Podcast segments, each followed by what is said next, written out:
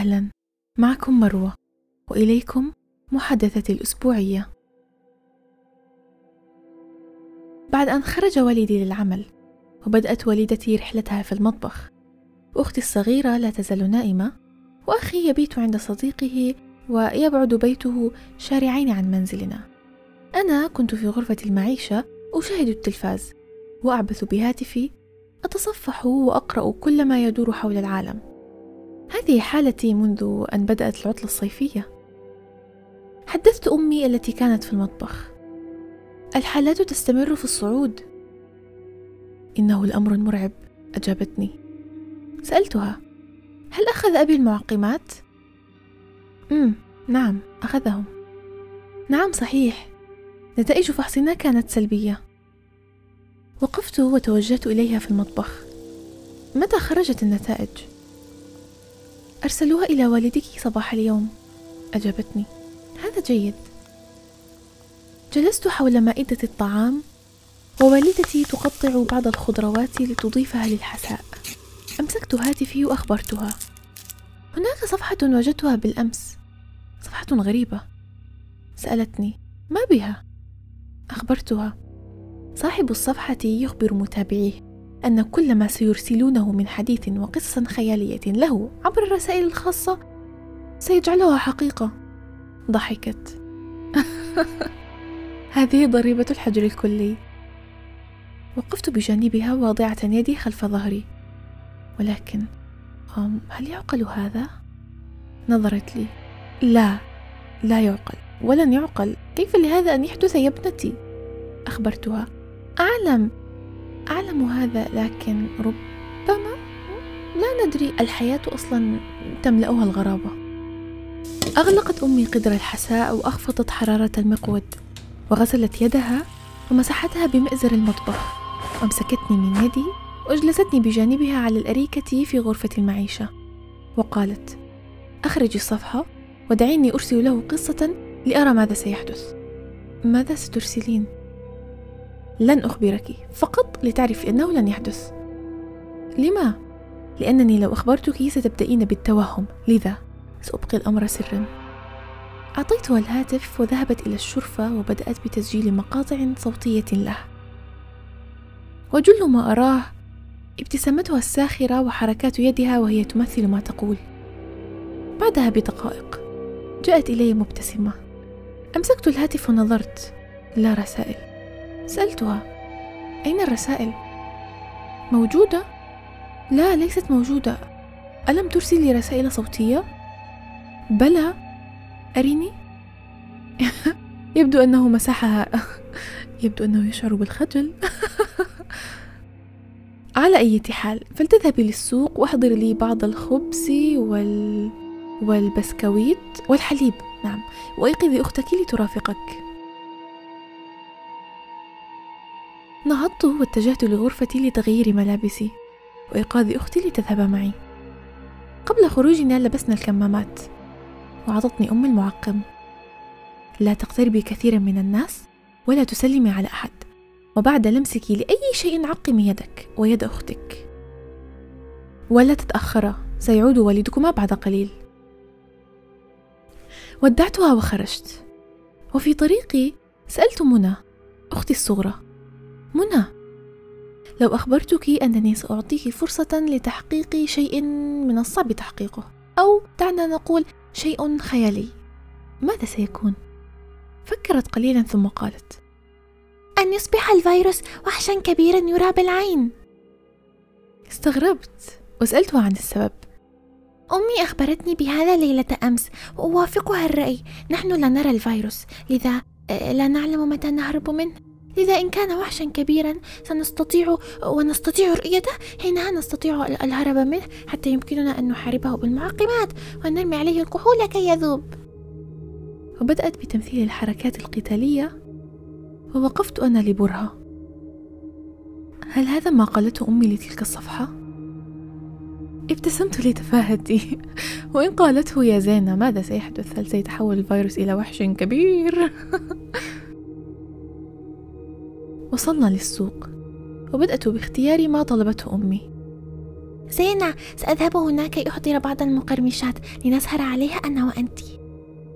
حسنا منى ولكن لا تبتعدي ولا تحتكي بأحد.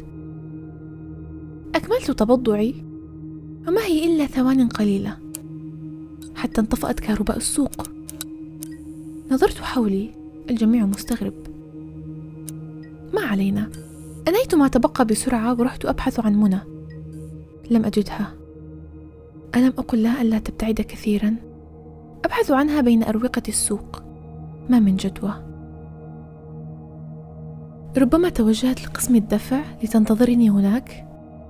ذهبت ولم أجدها. بدأت بوضع الأشياء للدفع وقلت في نفسي ستأتي هنا سألت الرجل. آه لما انقطعت الكهرباء؟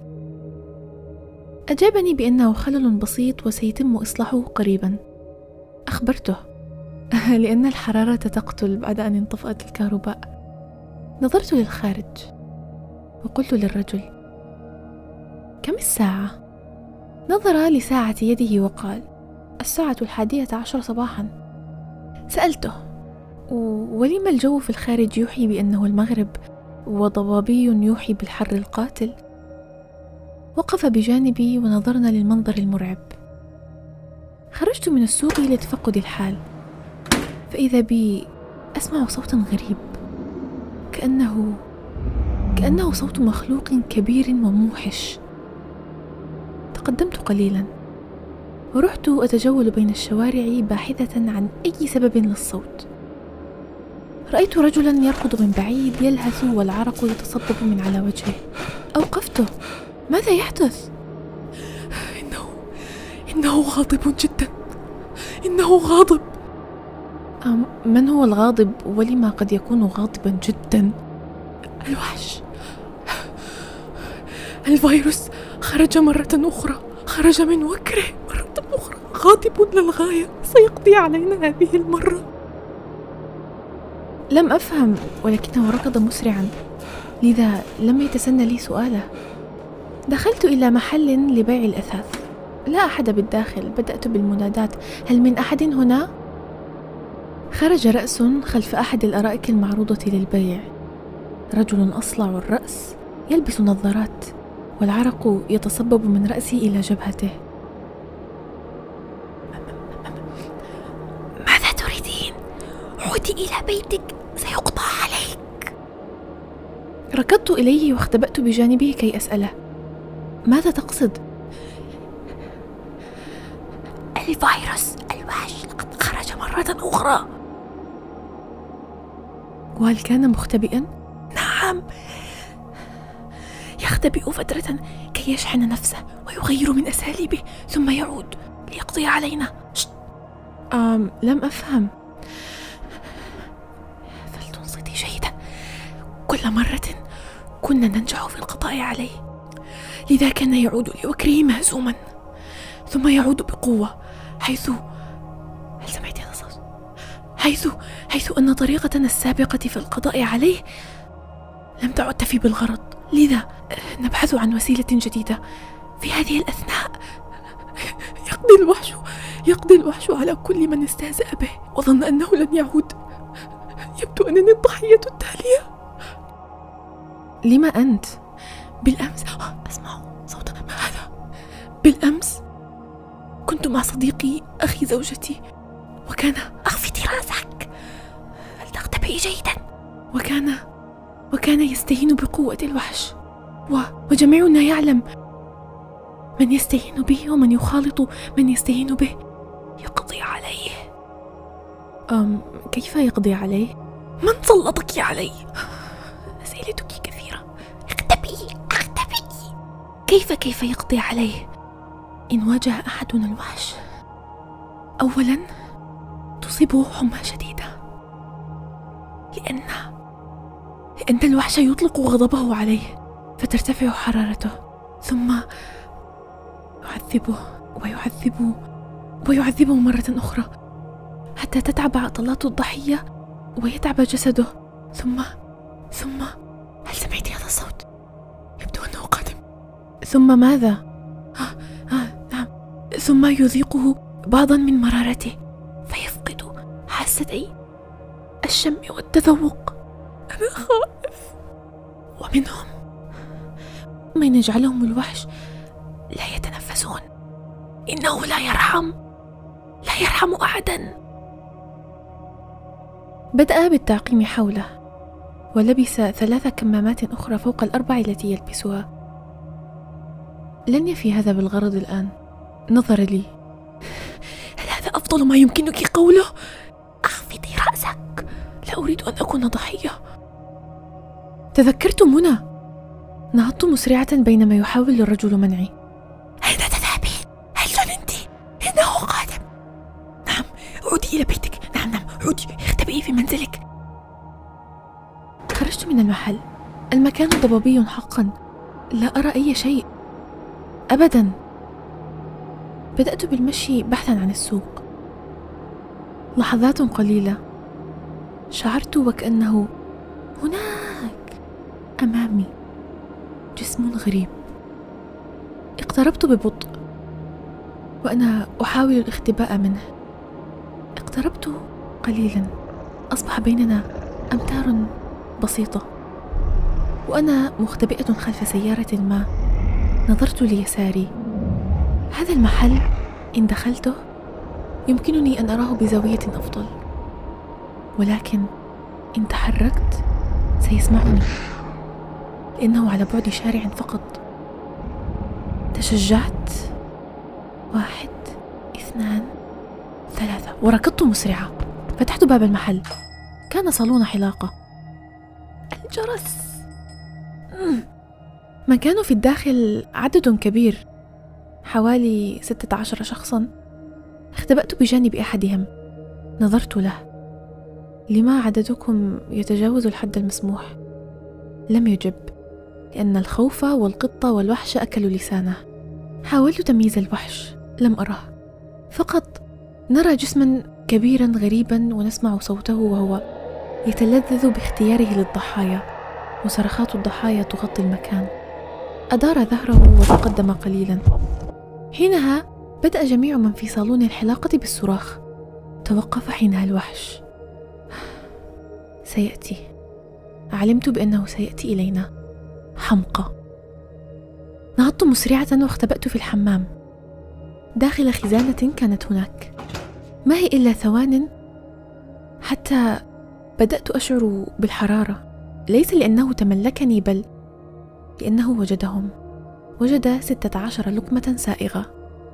بدأوا بالصراخ والتألم. حينها أخرجت المعقم اختلست النظر فرأيت أنه يدير ظهره. خرجت مسرعة للباب. عقبته بسرعة وأغلقته. لقد سمعني. اختبأت مجددا داخل الخزانة. رششت الكحول التي وجدتها في الخزانة على أرضية الخزانة وعلى أبوابها وما تبقى رميته خارجا. ومن خلال ثقب صغير بدأت أختلس النظر. سمعته يفتح الباب. ما أراه هو. أرجل عملاقة لا أدري كيف استطاع أن يدخل. وهو يبحث عني. دعس بقدمه على قطرات الكحول التي خرجت من العلبة التي رميتها خارجا. بدأ بإصدار أصوات غريبة مزعجة وخرج مسرعا. انتظرته حتى يبتعد قليلا. وخرجت. ما رأيته أمامي. جميع من كانوا في صالون الحلاقة ملقون جثثا هامدة على الأرض. تستطيع أن تشعر بحرارة جسدهم. منهم من لا يتنفس ومنهم من لا يستطيع النهوض والتحدث أساسا. توغلت بينهم بحذر كي لا يحتك جلد أحدهم بي وتنتقل العدوى. أزلت الجرس من على الباب وخرجت. لا أريد مقاتلته. فقط أريد أخذ منى والرجوع للمنزل. أمي لما تمنيت هذا؟ بدأت أتحرك مسرعة لكن في حذر. أتجنبه حين أشعر بأنه سمعني. بعد عناء وصلت للسوق. لكنه مغلق. بدأت بالضرب على الزجاج والمنادات. منى! منى! أين أنت؟ رأيتها تركض مسرعة لي. أخفضت جسدي كي أصل لطولها وقلت لها من خلف الزجاج ابقي هنا واذهبي إلى قسم المنظفات وخذي كل المعقمات والكحول. واذهبي إلى أي مكان مغلق ها؟ عقميه وابقي فيه ثم رشي الأرضية أمامك بالكحول. هذا سيؤذي قدمه حين يخطو عليها وسيخرج حينها منى هل تعين ما أقول؟ رأيت أحدهم خلفها. نظرت. ووجدت صاحب محل الأثاث. ماذا تفعل هنا؟ جئت كي أرى صديق أخي زوجتي الذي أخبرتك عنه. هل يمزح؟ يعني نظرت خلفي. لابد من قدومه للسوق. كي يقضي على الرجلين. ولكن أختي منى علي إخراجها. حاولت إقناعه بفتح الباب لكنه أجاب لن أغدو مجرما وأجعلك ضحية وحش لا يرحم. أنت الذي لا يرحم أنت من خالطت صديق زوج أختك هذا وأصبحت ضحية الوحش. أخبرني أنت اذا ما ذنب أختي؟ طيشك واستهانتك بحياتك وتعريضها وتعريض من لا ذنب لهم؟ كي يكونوا ضحية لوحش قذر ثم تقول لا أريد أن أصبح مجرما؟ ما من جدوى. متهور وغبي. حاولت البحث عن أي شيء لكسر الزجاج. نظرت حولي. ووجدت بعض الأحجار. لكنها لا تفي بالغرض. بحثت أكثر. ووجدت نفسي في الباحة الخلفية للسوق. هناك أسطوانة إطفاء الحريق. حملت اثنتين. على أمل أن يكسرا الزجاج. لا تفكر حاولت البحث عن مدخل خلفي من المخزن لكنها موصدة جميعها. وقفت أمام واجهة السوق. وبكل ما أوتيت من قوة رميت الأولى. فتكسر الزجاج. فأتبعتها بالثانية. كي أنهي بها ما تبقى من زجاج عالق. دخلت مسرعة. بحثت عن منى ووجدتها جالسة على الأرض تبكي. ارتمت بين ذراعي وبدأت بتهدئتها حينها صرخ الرجل. قد جاء نظرت خلفي. ووجدته الوحش يقترب من السوق. أمسكت منى وأخذت الكحول وبعض المعقمات الأخرى ورحت أبحث عن مخزنهم. نزلنا الدرج. ووجدت المخزن. مخزن خلفي. رششت المعقمات على الأرض من خارج المخزن وأغلقت الباب ورششت ما تبقى على الأرض من الداخل أمسكت بيد منى واختبأنا بين البضائع هناك متى سنخرج؟ حتى حتى يقضي عليهم ويخرج ألن ننقذهم؟ من؟ تقصدين الرجلين؟ نعم لا منى أجننتِ؟ لكنهما لم يفعلا شيئا. ونحن لم نفعل شيئا. لا نستطيع فعل أي شيء. استهانا بالأمر. هذا مصيرهما أمي. نعم. هل أنت بخير؟ هل والدي بخير؟ وأخي؟ الحمد لله. نعم. أم. سنأتي حالا. لا لا تقلقي. فنحن مختبئتان. حسنا. نعم. سأحاول أن أفلت منه. نهضت ومنى وتوجهنا إلى الباب الخلفي. حاولت كسره وفتحه. بعد خروجنا بدأنا بالتوغل بين أروقة الشارع. وسلكنا طرقا بين المباني والبيوت كي لا يمسك بنا. وبالطبع نحاول إخفاء أثرنا بالمعقمات والكحول. بعد معاناة وصلنا لمنزلنا. دخلنا بسرعة بعد أن تأكدنا بأن الوحش لا يتبعنا. ألقينا بالكمامات المتسخة وعقمنا أيدينا. واستقبلتنا أمي بابتسامة. لقد تأخرتما؟ هل هل أحضرت ما طلبته منك على الهاتف؟ نعم. ثم ماذا قصدت بقولك؟ نحن مختبئتان وسنحاول أن نفلت منه. نظرت لمنى فضحكنا. أرادت منى تجربة ماذا لو أخبريها أنت يا منى؟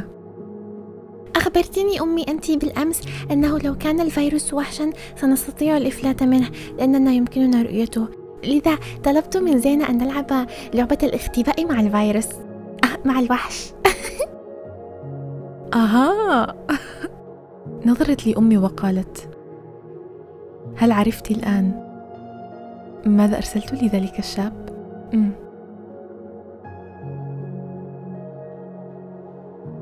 قد يكون وحشا كبيرا يرى بالعين المجردة وقد يكون وحشا صغيرا يتوغل بيننا دون أن نراه لكن ما أعلمه وما أنا متيقنة منه أنه في كلتا الحالتين يبقى وحشا سلب منا اشخاصا نعرفهم وأشخاص كانت لهم أحلام أضحت بائسة وخطط بقيت في علم الغيب ووعود غيم عليه الانكسار.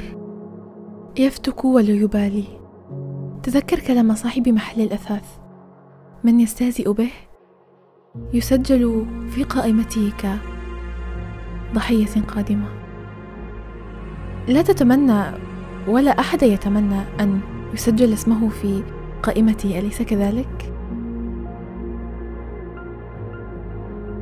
لقائي معكم يتجدد في أسبوع آخر. وإلى ذلك الحين كانت معكم مروة في محادثات أسبوعية. فلتبقوا بصحة جيدة.